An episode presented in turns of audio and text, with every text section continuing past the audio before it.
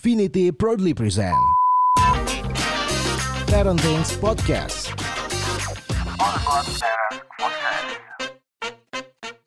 Podcast ini dibuat sebelum PPKM dan menerapkan protokol kesehatan. Halo semuanya, selamat datang lagi di podcast Parenting. Di episode kedua Parenting sebelumnya, pasti smart parent saya bunda semuanya udah paham bahwa uh, anak-anak yang memiliki kebutuhan khusus membutuhkan perhatian yang lebih. Padahal anak biasa aja butuh perhatian yang sangat besar gitu ya, agar potensi tumbuh kembangnya dapat terjaga. Dan di episode kali ini kita akan membahas mengenai anak dengan uh, Down syndrome atau individu dengan Down syndrome yang sama-sama membutuhkan perhatian lebih juga untuk mendukung potensi tumbuh kembang tersebut. Makanya lagi-lagi kehadiran smart parent sangat diperlukan karena dukungan dari kita dan lingkungan sekitar. Maka anak dengan Down syndrome dapat optimal tumbuh kembangnya gitu dan di kesempatan hari ini saya udah uh, kedatangan tamu namanya Mbak Olive untuk ngobrol-ngobrol mengenai Down syndrome dari Potats Indonesia. Selamat apa nih ya pagi siang sore Selamat pagi siang sore. Hmm. Mbak Olive apa kabarnya? Alhamdulillah sehat dan harus selalu sehat. Harus selalu sehat. Terima kasih sudah mau mampir ke sini ya Mbak ya. Iya, sama-sama. Ini manggilnya Mbak benar nggak apa-apa nih. Iya. Ini dari tadi nanyain manggilnya Mbak, bukan gitu ya. Mbak Olive, boleh nggak ceritain uh, Potats itu apa sih sedikit aja dulu Mbak Olive kan dari Potats Indonesia. Cerita sedikit dong Potats itu apa sih Mbak? Iya. Potas merupakan satu komunitas yayasan nirlaba eh, singkatan dari Persatuan Orang Tua Anak dengan Down Syndrome. Oke. Ini adalah wadah bagi para orang tua yang memiliki anak dengan Down Syndrome. Tapi tidak menutup kemungkinan anggota Potas ini tidak hanya para orang tua, tapi siapa pun bisa. Terapis, guru, masyarakat, siapa pun bisa menjadi anggota Potas. Tapi eh, intinya bahwa pemberdayaan pada orang tua yang memiliki anak Down Syndrome, Potas untuk eh, lahir untuk mereka seperti itu. Hmm. Dan saat ini Potat sudah uh, berdiri selama 18 tahun, sejak 2003 disahkan secara hukum. Uh, kemudian kita sudah punya 10 cabang di kota dan provinsi. Dan tiap provinsi atau cabang tersebut uh, diketuai oleh ketua Potas juga.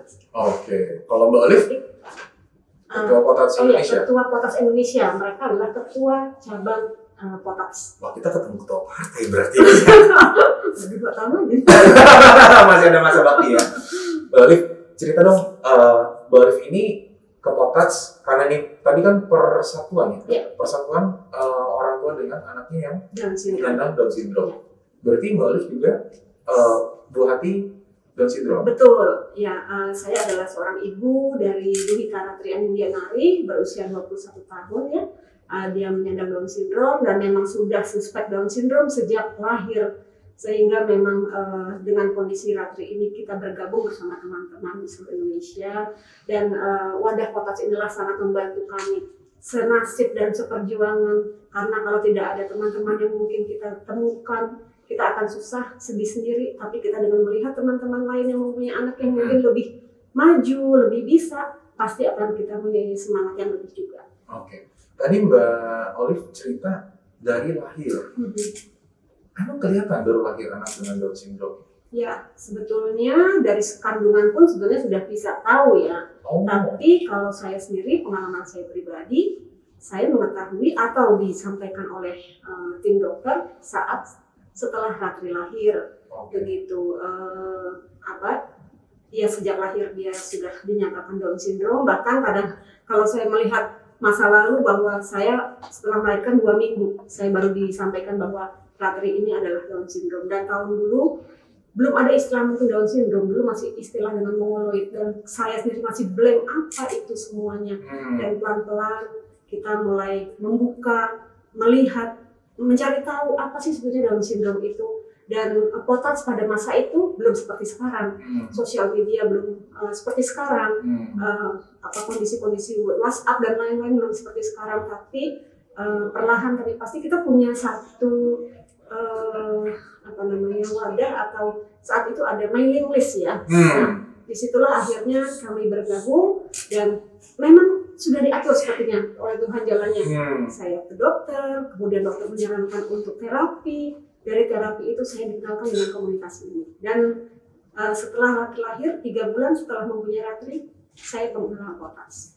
Tiga bulan setelah Berarti eh, jadi usia tiga bulan Iya. gitu ya. Selama dari dua minggu sampai tiga bulan itu gimana? Eh, sa- Mencari. Iya, eh, tentunya ada hal-hal atau eh, step by step yang harus dijalankan karena waktu saya baru mengetahui Ratri Down syndrome di usia dua minggu, kemudian saya mendatangi beberapa dokter dan dokter menyarankan untuk cek jantung karena ada kelainan jantungnya dan akhirnya Ratri dioperasi eh, bedah untuk menutup eh, bocor jantungnya di rumah sakit. Kemudian dari pihak rumah sakit menyarankan coba deh bu bergabung di klinik khusus tumbuh kembang Uh, nanti ibu akan bertemu dengan para orang tua di sana yang Oh. punya anak juga uh, seperti ibu seperti itu. Akhirnya saya datang dan uh, betul ternyata administrasi di bagian sana menyambut baik sekali. Aduh ibu jangan sedih ya, jangan pernah uh, selalu duduk dalam kesedihan. Nanti akan ketemu dengan teman-teman yang sama seperti Ratri. Di sini kita bisa belajar. Di situlah saya akhirnya mm, melakukan terapi untuk Ratri untuk fisioterapi, okupasi terapi, kemudian terapi bicara, dan saya akhirnya bertemu dengan para orang tua yang mempunyai anak dengan Down syndrome. Dan ya itulah uh, pentingnya kita bertemu dengan uh, para orang tua yang sama, sehingga kita bisa saling sharing, kita sehingga bisa kita cari tahu uh, gimana sih uh, dan seterusnya. Hmm. Dan akhirnya di situlah saya mengenal Potas pertama kalinya, yang saat itu uh, diketuai oleh Ibu Roni Fadilah. Hmm. Jadi Potat sudah empat kali berganti ke ketua, yaitu yang pertama Ibu Aryati Supa, eh, Ibu Aryati, kemudian Ibu Nuni Fadilah, eh, Ibu eh, Ibu Sri Handayani, dan saat ini saya sampai untuk periode eh, satu tahun mendatang. Hmm.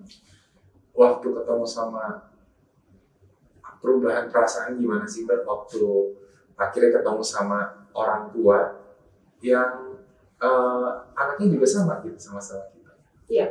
Eh, kondisi memang setiap orang beda-beda ya.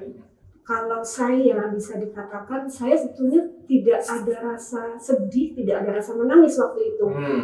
Eh, saya justru bingung saja. Hmm. apa sih kenapa sih apa anak ini kenapa seperti itu Eh, mungkin baby blues yang dialami oleh seorang ibu pasca melahirkan saya tidak mengalami itu karena saya hanya berpikir untuk ratri Hmm. gitu dan ditambah lagi dengan pendampingan seorang suami yang buat saya itu sangat menguatkan Hmm. jadi kita tidak boleh berpikir atau melihat bahwa ini adalah dosa masa lalu Hmm. atau ini adalah kesalahan-kesalahan kita Hmm.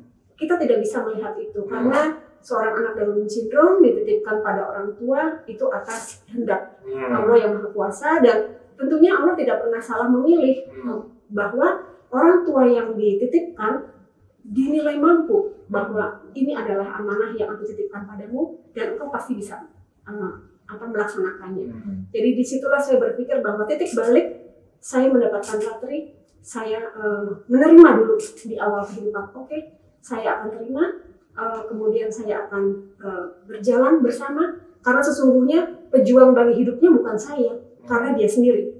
Dia yang harus berjuang untuk hidupnya dan kita hanya orang tua sebagai pendamping dan pensupport seperti Hmm. itu. Ratri anak pertama anak kedua Anak pertama, punya adik berarti iya jaraknya dua setengah tahun. ketika mengurus Ratri. Iya. Nah, tadi kan dikatakan butuh perhatian lebih dan lain sebagainya. Membaginya gimana sama yang belakangnya ada pengaruhnya kan? Ya, waktu Ratri berusia satu setengah tahun dan masih menjalani terapi di klinik khusus tumbuh kembang, uh, salah satu tim dokter itu bilang, Bu hamil lagi dong, begitu. Hah, hah, iya disuruh hamil lagi. Saya bilang, hah hamil lagi? Dokternya suami ibu kan? Kirain. Iya. Terus, aduh, eh, se- tentunya bagi seorang ibu ya, yang baru saja ya sudah walaupun sudah satu setengah tahun tapi melahirkan anak dengan kondisi berbeda, ada rasa trauma, rasa oh, takut. Iya, iya, iya. iya. Tapi dokter menyatakan bahwa nggak usah takut, eh, anak pertama dengan kondisi Down syndrome tipe untuk Ratri karena Down syndrome itu ada ada tiga, jenis ya tipenya. Oh, Ada trisomi primer, kemudian translokasi, dan satu lagi mosaik. Apa bedanya? Eh, apa untuk uh, persentasenya. Oh, Jadi untuk yang primer itu ya memang pure 99% Down syndrome. Untuk yang mosaik itu sedikit sekali. Eh, oh. ada hal ada ketingkat-tingkat. Iya, iya, iya. iya. Nah akhirnya saya diminta untuk hamil karena apa? Bagi dokter seorang anak Down syndrome apalagi anak pertama apabila nanti terlalu jauh jaraknya untuk mempunyai sibling atau saudara kandung dia akan sendiri lemak di rumah Hmm. dia akan hanya dengan bahasa orang dewasa saja. Hanya mungkin bahasa perintah, bahasa mengajak. Tapi beda apabila nanti dia punya saudara atau adik, dia akan punya teman bermain. Dia akan Hmm. punya bahasa anak-anak yang nantinya akan merangsang tumbuh bicaranya dia. Itu prediksi dokter. Tapi diserahkan pada saya lagi. Iya dong. ya gitu. Saya pikir saya mau hamil nanti usia Ratri lima tahun. Saya bilang begitu. Tapi dokter bilang bu lima tahun kelamaan. Kalau lima tahun nanti eh, adiknya sudah lima tahun apa eh, Ratri sudah lima tahun adiknya baru lahir Ratri sudah enam tahun. Jaraknya kejauhan. Tapi kalau ibu hari eh, bisa hamil saat sekarang ini jaraknya sekitar dua setengah sampai tiga tahun. Pada saat Ratri usia tiga tahun adiknya sudah lahir nanti Ratri lima tahun adiknya dua tahun.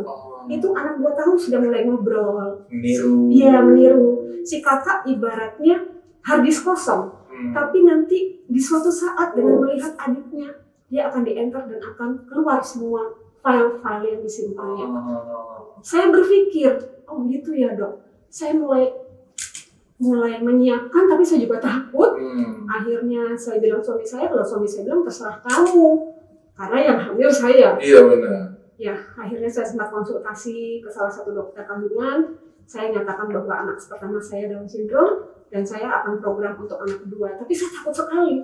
Jadi setiap konsul saya membawa segala macam pertanyaan dan akhirnya dokter itu bilang, Bu, udah deh, buang deh pertanyaan-pertanyaannya. Udah yang penting ibu fokus, berdoa, makan makan bergizi, dan insya Allah janinnya sehat. Alhamdulillah anak saya yang kedua Amanda itu lahir dengan kondisi sehat dan seperti yang tadi saya jelaskan bahwa semua eh, eh, penjelasan dari dokter tentang usia-usia dan kemampuan kemajuan untuk kakaknya itu terbukti benar. Oh. Jadi di usia Ratri 5 tahun, adiknya tiga tahun, dia sudah mulai sama-sama di playgroup ya di, di taman kanak-kanak. Usia eh, sekolah, ya kakaknya sudah masuk eh, sekolah luar biasa dan adiknya sudah di SD dan bahkan di usia yang sekarang eh, si adik sudah kuliah, kemudian Ratri juga sudah selesai sekolah. Ya memang kemampuan secara mental pada usia kalender dengan usia usia mental memang berbeda, berbeda tapi kemampuan hal-hal lain yang eh, kita harus majukan itu dapat diraih lah seperti itu.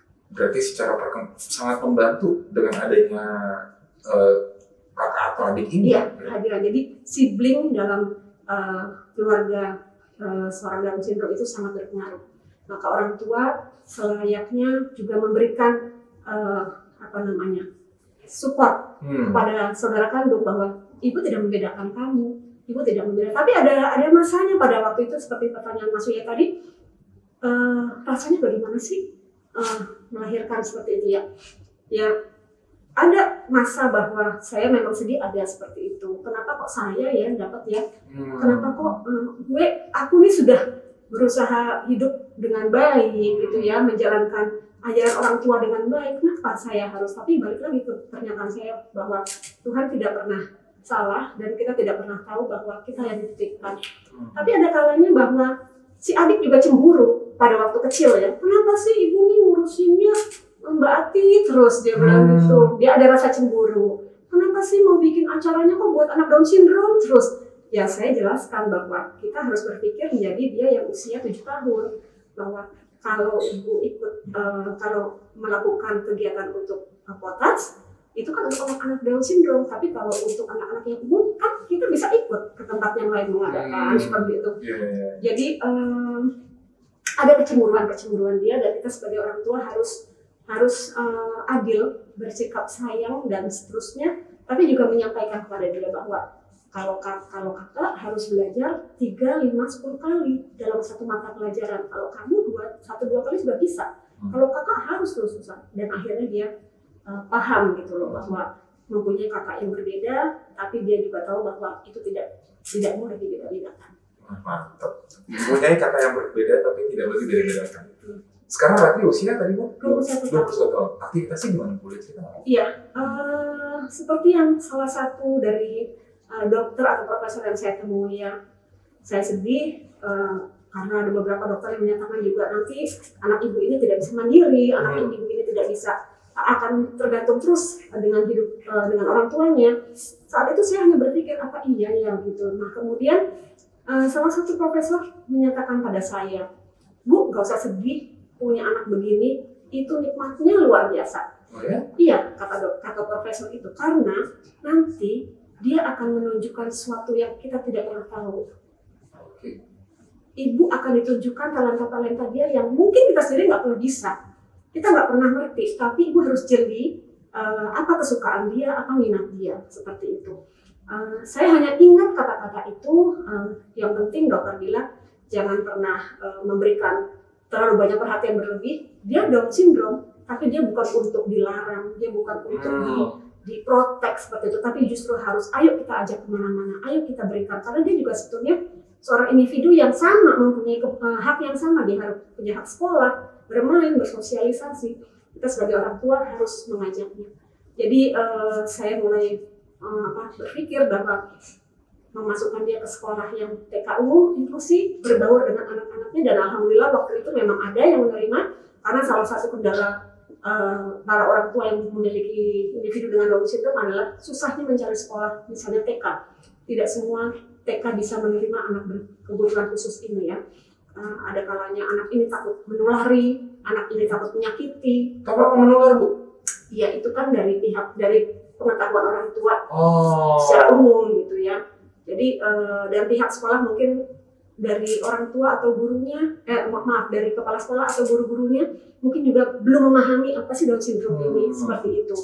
Dan akhirnya eh, kembali lagi ke cerita saya bahwa saya bersyukur bahwa saya mendapatkan sekolah yang bisa menerima eh, anak-anak berkebutuhan khusus. Jadi ada anak autis, anak cerebral palsy, untuk Down syndrome, dan eh, adik adik juga ikut bersekolah di situ. Hmm. Pada masa sekolah ya eh, saya ikutkan juga masuk sekolah terus sampai selesai. Nah di kelas 5 SD saya ingat sekali bahwa di sekolah itu diadakan ekstrakurikuler. Saya pilihkan kakak mau ikut apa menggambar atau memasak saya bilang gitu. Dia memilih menggambar. Oke, jadi satu tahun atau dua tahun itu dia ikut kegiatan di sekolah, pulang sekolah setiap hari Selasa ikut menggambar. Nah, eh, karena mungkin peminat dari kelas tersebut sedikit, hanya dua tiga orang, akhirnya ditutup. Hmm. Tapi dia terus merengek pada saya, Bu, menggambar, Bu, melukis. Hmm. Aduh, PR lagi nih buat saya. Ya sudah, akhirnya saya mencari dan saya bertemu dengan salah satu orang tua yang memang sudah mengikutkan anaknya eh, khusus di satu tempat. Saya masukkan Ratri ke sana dan eh, dia ikut melukis dan ini sudah sekitar mungkin kalau nggak pandemi ini udah enam tahun tujuh tahun ya. Oh. dan di situlah memang balik lagi ke pernyataan profesor bahwa kita harus jeli. Kita harus lihat anak-anak kita kemampuan dan minatnya. Dan ternyata Ratri memang suka melukis suka menggambar. Dari coretan dari lukisan itu akhirnya membawa Ratri eh, kepada salah berbagai kegiatan di antaranya ada apa namanya ada pameran kemudian ada juga lukisan-lukisan dia yang terlelang kemudian bersama teman-teman Down syndrome lainnya ya tidak hanya Ratri saja Eh, dan akhirnya eh, ya kita tidak pernah tahu bahwa kemampuan-kemampuan yang kita tidak pernah tahu tiba-tiba membawa anak-anak kita menjadi mampu dan bisa Tapi kenapa sih? Ada nggak sih eh balik talent? Karena kebanyakan yang eh, teman-teman yang Down syndrome, kemudian yang autism gitu, talentanya itu di seni. Ada hubungannya Oh, iya. Iya betul. Biasanya anak-anak dengan autism atau Down syndrome itu mereka hanya ada dua ya kesukaan olahraga atau seni. Oh, Oke. Jadi biasanya anak-anak dengan Down syndrome itu kalau nggak di bidang olahraga, kalau Ratri terus terang saya sudah mencoba, saya ikutkan dia di Soina Special Olympic sejak dia mulai umur 7 tahun. Tapi tampaknya dia kurang berminat ya kalau udah melihat lapangan dia langsung jongkok panas dan sebagainya. Ah, tidak hanya sekali saya mengajak tapi be- beberapa kali eh, ya kembali lagi eh, bukan karena anak dengan Down syndrome-nya tapi kita pun sebagai orang reguler yang dikatakan bahwa kalau kita disuruh orang tua kita ayo les piano. Ah males. Itu ayo les ini ah nggak mau maunya ini itu itu kita Tapi kita juga tidak bisa memaksakan pada anak-anak kita yang menyandang Down syndrome ayo ikut kalau dia tidak mau dia Iya, suka iya. sebetulnya tapi akhirnya dia pun akhirnya me- me- mencari atau menemukan bahwa aku sukanya melukis, aku sukanya menggambar. Banyak sekali anak-anak dengan Down syndrome, penyandang Down syndrome yang sudah sukses atau uh, berprestasi ya di bidang olahraga, kemudian uh, di bidang seni, mereka mempunyai kemampuan-kemampuan menari, bermain musik. Bahkan sekarang di Potas itu juga ada kelas uh, barista di Rumah Ceria Down Syndrome ya. Kami punya Rumah Ceria Down Syndrome yaitu rumah kegiatan bagi anak-anak dengan Down syndrome. Hmm. Jadi kita punya uh, kelas kelas art and craft dan Ratu juga ikut di situ. Ada kelas um, musik seperti uh, keyboard, drum, kemudian alat perkusi djembe itu satu kelompok ya sekitar 5 10 orang. Kemudian ada kelas memasak juga, uh, kelas renang, taekwondo atau karate dan ada kelas barista. Tapi karena semua ini pandemi, kita akhirnya semua secara online. Rumah cerianya di mana? Rumah ceria bertempat di Pejaten Barat, Oh, Jakarta Selatan. Jadi kalau lagi nggak pandemi, seru tuh ya. Kayak kayak ada yang habis dansa bikinin kopi gitu ya. Iya betul. itu ada kelas-kelasnya dan setiap hari itu anak-anak eh, bergantian dan untuk bergabung di rumah ceria Down syndrome itu kita juga bisa melihat bahwa oh eh, anak saya sukanya ini kita bisa trial kita bisa lihat anak anaknya suka tidak kalau mungkin ibunya kepengennya "Ah, saya maunya anak saya keyboard tapi Hmm. kalau anaknya balik lagi tidak suka ya Iya. coba di tempat yang lain kita bisa seperti itu Oke. karena kita tidak bisa memaksakan anak kita juga Oke. Mbak Alif aku mau nanya perjalanannya lagi. Ketik kan sekarang kayaknya kalau aku dengar kayaknya ceritanya Olive ini udah menunjukkan talenta talenta yang yang Ratri Ratri maaf udah menunjukkan eh, talenta-talenta yang yang Mbak Olive nggak bayangin sebelumnya. iya Tapi ketika perjalanan sampai Ratri menemukan talenta ini, seberapa pengaruh eh, cara Mbak Olive memperlakukan, cara Olive, Mbak Olive memandang, cara Mbak Olive eh, perasaan kan mereka juga sensitif ya. Maksudnya kita kalau kayak gini, Mbak Olive ada rasa-rasa gak nyaman sama saya juga kan saya bisa ngerasain. Seberapa besar sih pengaruh itu sama tumbuh kembangnya sih eh, teman-teman dan adik-adik yang Down syndrome ini? Eh, setiap anak adalah unik ya. Jadi kita tidak pernah tahu bahwa mereka mempunyai uh, kemampuan atau bidang apa. Nah untuk uh, seberapa perkembangan mereka kita tentunya kembali lagi orang tua lah yang harus uh, namanya tahu kemampuan apa. Tapi ada rasa mungkin mereka juga kadang-kadang uh, merasa tidak mampu. Mereka berbeda. Itu mereka juga merasakan seperti itu. Mereka berbeda. Kadang-kadang mereka juga menarik menarik diri ya walaupun tidak semua gitu tidak semua anak dengan Down syndrome seperti itu Eh, ya tentunya kembali lagi bahwa cara menghadapi mereka mereka itu kadang ada yang moody juga moody gitu ya ada yang moody tapi juga ada yang percaya diri gitu jadi berbeda-beda semuanya Tetap punya profilnya masing-masing ya. tetap semuanya sama lah seperti seperti individu kita aja. sama sama ya Eh, sama seperti kita individu eh, yang berbeda-beda yang yang iya, kita iya. agak mager gitu mereka juga punya Iya gitu. iya iya. mereka juga secara biologis juga senang sama lawan jenis mereka, Ah. mereka melalui tahap yang sama dengan Oke. kita memang hanya kondisi mereka saja yang berbeda karena kelebihan kromosom itu seperti itu Oh. nah menyiasatinya tentunya eh, para orang tua ya yang tentunya paling paham sendiri kondisi anak-anak itu bagaimana kalau misalnya anak saya sedang ngambek ya sudah saya ada time outnya. Seperti itu. Tapi ada kalanya orang tua yang tiba-tiba sudah sudah aduh seneng banget nih mau mau tampil. Tiba-tiba anaknya mau Ah. melihat lampu seperti ini atau melihat banyak orang. Tiba-tiba ngantuk itu sih sudah biasa? Tapi kita semua sudah tahu bahwa eh, support harus tetap jalan. Kita memberikan semangat pada mereka. Bahwa ayo kak bisa bisa seperti itu. Kalau di rumah rumah ceria kan Iya. Di rumah ceria itu sesama mereka obrolannya kayak gimana sih mbak? Eh, unik ya Ah, bahkan makanya mereka penasaran. juga untuk uh, untuk para individu Down syndrome yang sudah remaja mereka punya WhatsApp group Oh ya? iya Oh, mereka punya Instagram gitu ya dan komen-komenan, komen-komenan DM-DM. ya, jadi eh, ya apa ya kita tetap harus pantau lah ya tetap kita harus pantau mereka mereka posting apa dan mereka harus sekarang smartphone itu kan sudah ada di genggaman mereka mereka Iya. sudah bisa mencari apa Semuanya saja. bisa. Iya, semuanya Iya. bisa Eh, anak-anak dengan Down syndrome yang memang secara komunikasi tidak ada hambatan mereka sama seperti kita mereka mereka ada seorang anak Down syndrome itu yang memang juga ya kita sudah melihat dia kita bukan melihat membedakan "Ih, lu Down syndrome enggak tapi memang dia bisa berkomunikasi dan nyambung tektoknya jadi kita suka celah-celahan kita suka apa Oh gitu, ledek-ledekan juga. ledek-ledekan dan uh, kalau anak saya misalnya dia ikut kelas art and craft, uh, dia ada satu teman yang memang dari dulu sekolah itu dijailin sama dia. Jadi, Sorry, Ratri ngajarin.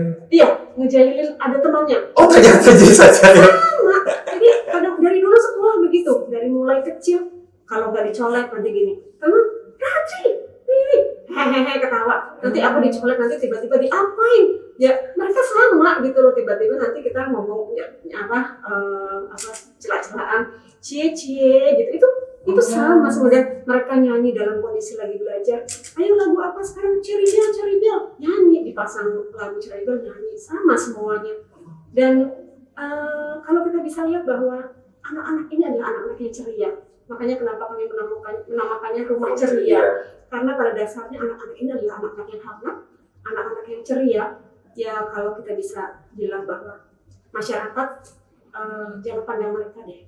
Jangan pandang sebelah mata mereka. Karena apa? Mereka ini pribadi yang hangat pribadi yang ceria gitu ya. Jadi uh, dalam kesehariannya mereka mungkin tidak banyak berpikir dan tidak stres ya. Karena buat mereka bangun mungkin makan aktivitas yang mereka kerjakan ya sudah cukup seperti itu. Okay. Mbak ini aku nanya uh, sekarang agak ke depan sedikit. Kemarin ngobrol sama uh, teman-teman yang dari YPAC itu, dia butuh pendampingan terus menerus. Ya. Kalau kalau ini Down syndrome gimana? Ya, uh, kembali lagi di satu tahun pertama kehidupan hmm. seorang bayi dengan Down syndrome adalah masa orientasi untuk tumbuh kembangnya. Karena apa? Uh, seorang bayi dengan Down syndrome yang saat dilahirkan itu butuh pemeriksaan organ, kemudian hal-hal uh, lain yang memang berpengaruh, misalnya jantung, mata, lambung, pencernaan, dan lain-lain. Ya, mata, apa, telinga, THT dan lain-lain. Karena biasanya seorang bayi dengan Down syndrome walaupun tidak semua uh, lahir dengan beberapa kelainan penyerta misalnya ada kelainan jantung atau uh, paru dan lain-lain. Kalau misalnya pun tidak ada, anak-anak dengan Down syndrome ini harus uh, intens secara satu tahun pertama ya.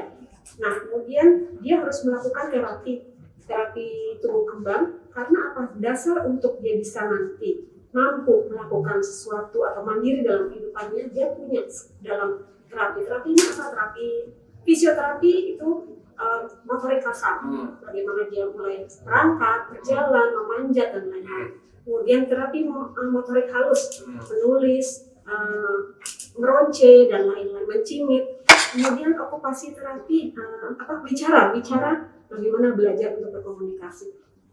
Nah ini adalah uh, apa namanya tahapan-tahapan uh, yang mereka harus uh, penuhi sehingga ke depannya mereka mampu untuk uh, menjadi diri mereka sendiri dengan kemampuan yang mereka miliki. Berarti nanti Ratri uh, bisa hidup mandiri atau perlu didampingi oleh adik?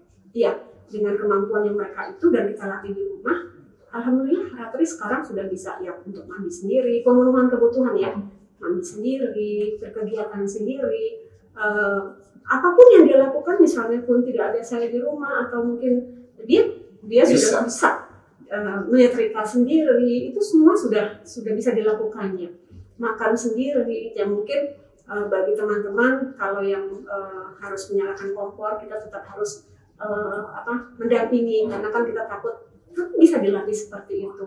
Untuk hal-hal yang mendasar untuk kehidupan. Karena kadang-kadang kami berpikir bahwa siapa yang duluan iya. kembali kepada uh, sang pemilik kita tidak pernah tahu. Tapi paling tidak kalau misalnya kita yang duluan kita sudah bisa memberikan dia kemandirian hmm. untuk hidup sendiri. Nah itu penting banget ya, ya. ada udah punya pacar belum? Siapa kalau kayak gitu ada nikah nggak sih mbak? Maksudnya ada. tetap normal kan ya? Normal, dia dia suka dan sampai sekarang itu dia tetap ngefans dengan Om Ricky Harun ya. Oh, Ricky Harun fansnya. Iya. Kira BTS tadinya. Oh, iya, jadi bilang dan negara gara-gara dulu pernah saya makanya sudah aduh dia nonton kadang-kadang serigala. Oh. Ricky Harun Ricky. Jadi uh, ada dalam dalam dalam pikiran dalam hati mereka senang dengan lawan jenis itu pasti ada ya. Dalam masa sekolah juga kan suka digoda-godain cie cie yeah, yeah, sama semuanya. Dan uh, ya kalau kembali lagi kita memilih bahwa apakah mereka harus menikah atau tidak itu adalah pilihan kita. Orang tua tentunya ya bagaimana nanti dia untuk hidup ke depannya bersama Iya. pasangannya. Karena untuk anak-anak dengan Down syndrome yang su- sudah menikah ada. Oh. dan eh, beberapa juga em, ada yang memiliki keturunan tapi ada ada juga yang tidak seperti itu Nah, kalau ini buku dan masker, ada yang menciptakan dari Ah, iya. Ah, ini nih adalah buku yang diterbitkan oleh Potats. Ini adalah buku tentang Down syndrome A sampai Z ya. Jadi Hmm. semua tentang eh, sejak kelahiran hingga masa eh, dewasa.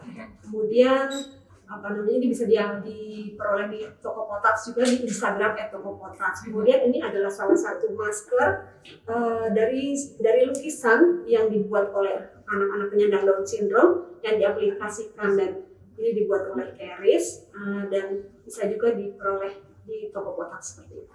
Berarti banyak banget kreasi-kreasi dari teman-teman uh, individu Down syndrome ini ya. Iya. Dan ternyata uh, sama aja sama kita sebetulnya. Sama mereka sama mereka punya rasa marah, punya rasa sebel, mereka malas, mereka senang, semuanya sama. Oke. Iya. Wah, terima kasih banyak Bang Olive udah mau mampir dan ngobrol-ngobrol. Saya jujur uh, banyak banget, banyak dapat informasi baru, banyak banget dapat banyak edukasi baru buat kita dan juga smart parents semuanya. Uh, gimana kita mampu menghadapi melewati fasenya. Jadi buat smart parents, ayah bunda di sana, di luar sana yang kayaknya nih masih butuh pendampingan, boleh banget ya, karena itu penting sekali ya Mbak Olive ya Iya. Betul. untuk uh, menjalani dan juga mempersiapkan segala hal yang terbaik untuk uh, putra putri kita. Kayaknya obrolannya cukup sampai saat ini aja. Boleh? Boleh. Silakan, boleh. Iya. Eh, buat para orang tua yang mempunyai individu dengan Down syndrome, jangan pernah patah hati, patah semangat, jangan pernah selalu bersedih karena kita tidak pernah tahu di hidup yang mendatang, di kehidupan yang nantinya kita akan selalu tersenyum bersama anak-anak kita. Dan ternyata anak-anak kita adalah anak-anak yang ceria, anak-anak yang hangat dan menjadi eh, penerang hati di keluarga kita masing-masing. Dan untuk masyarakat pada umumnya, terimalah anak-anak dengan Down syndrome ini karena mereka adalah ciptaan Tuhan, mereka ada di sekeliling kita. Eh, rangkulah mereka, jangan pernah bedakan mereka, jangan pernah cibirkan mereka karena mereka ada di antara kita dan pasti kita akan banyak belajar dari mereka. Terima kasih. Semoga kita punya kesempatan ngobrol-ngobrol lagi ya Mbak Olive ya. Sama-sama, terima kasih kembali. Nanti bisa juga read semuanya di media sosial di Potats Indonesia, Finity Indonesia dan juga Parenting Podcast. Eh, lebih kurangnya kami mohon maaf. Sampai ju- semoga yang disampaikan bermanfaat dan jika dirasa ini bermanfaat buat teman, keluarga, kerabat, silahkan di-share videonya dan juga podcastnya serta linknya apa pun itu. Sampai jumpa di Parenting Podcast episode berikutnya. Sampai jumpa. Parenting Podcast.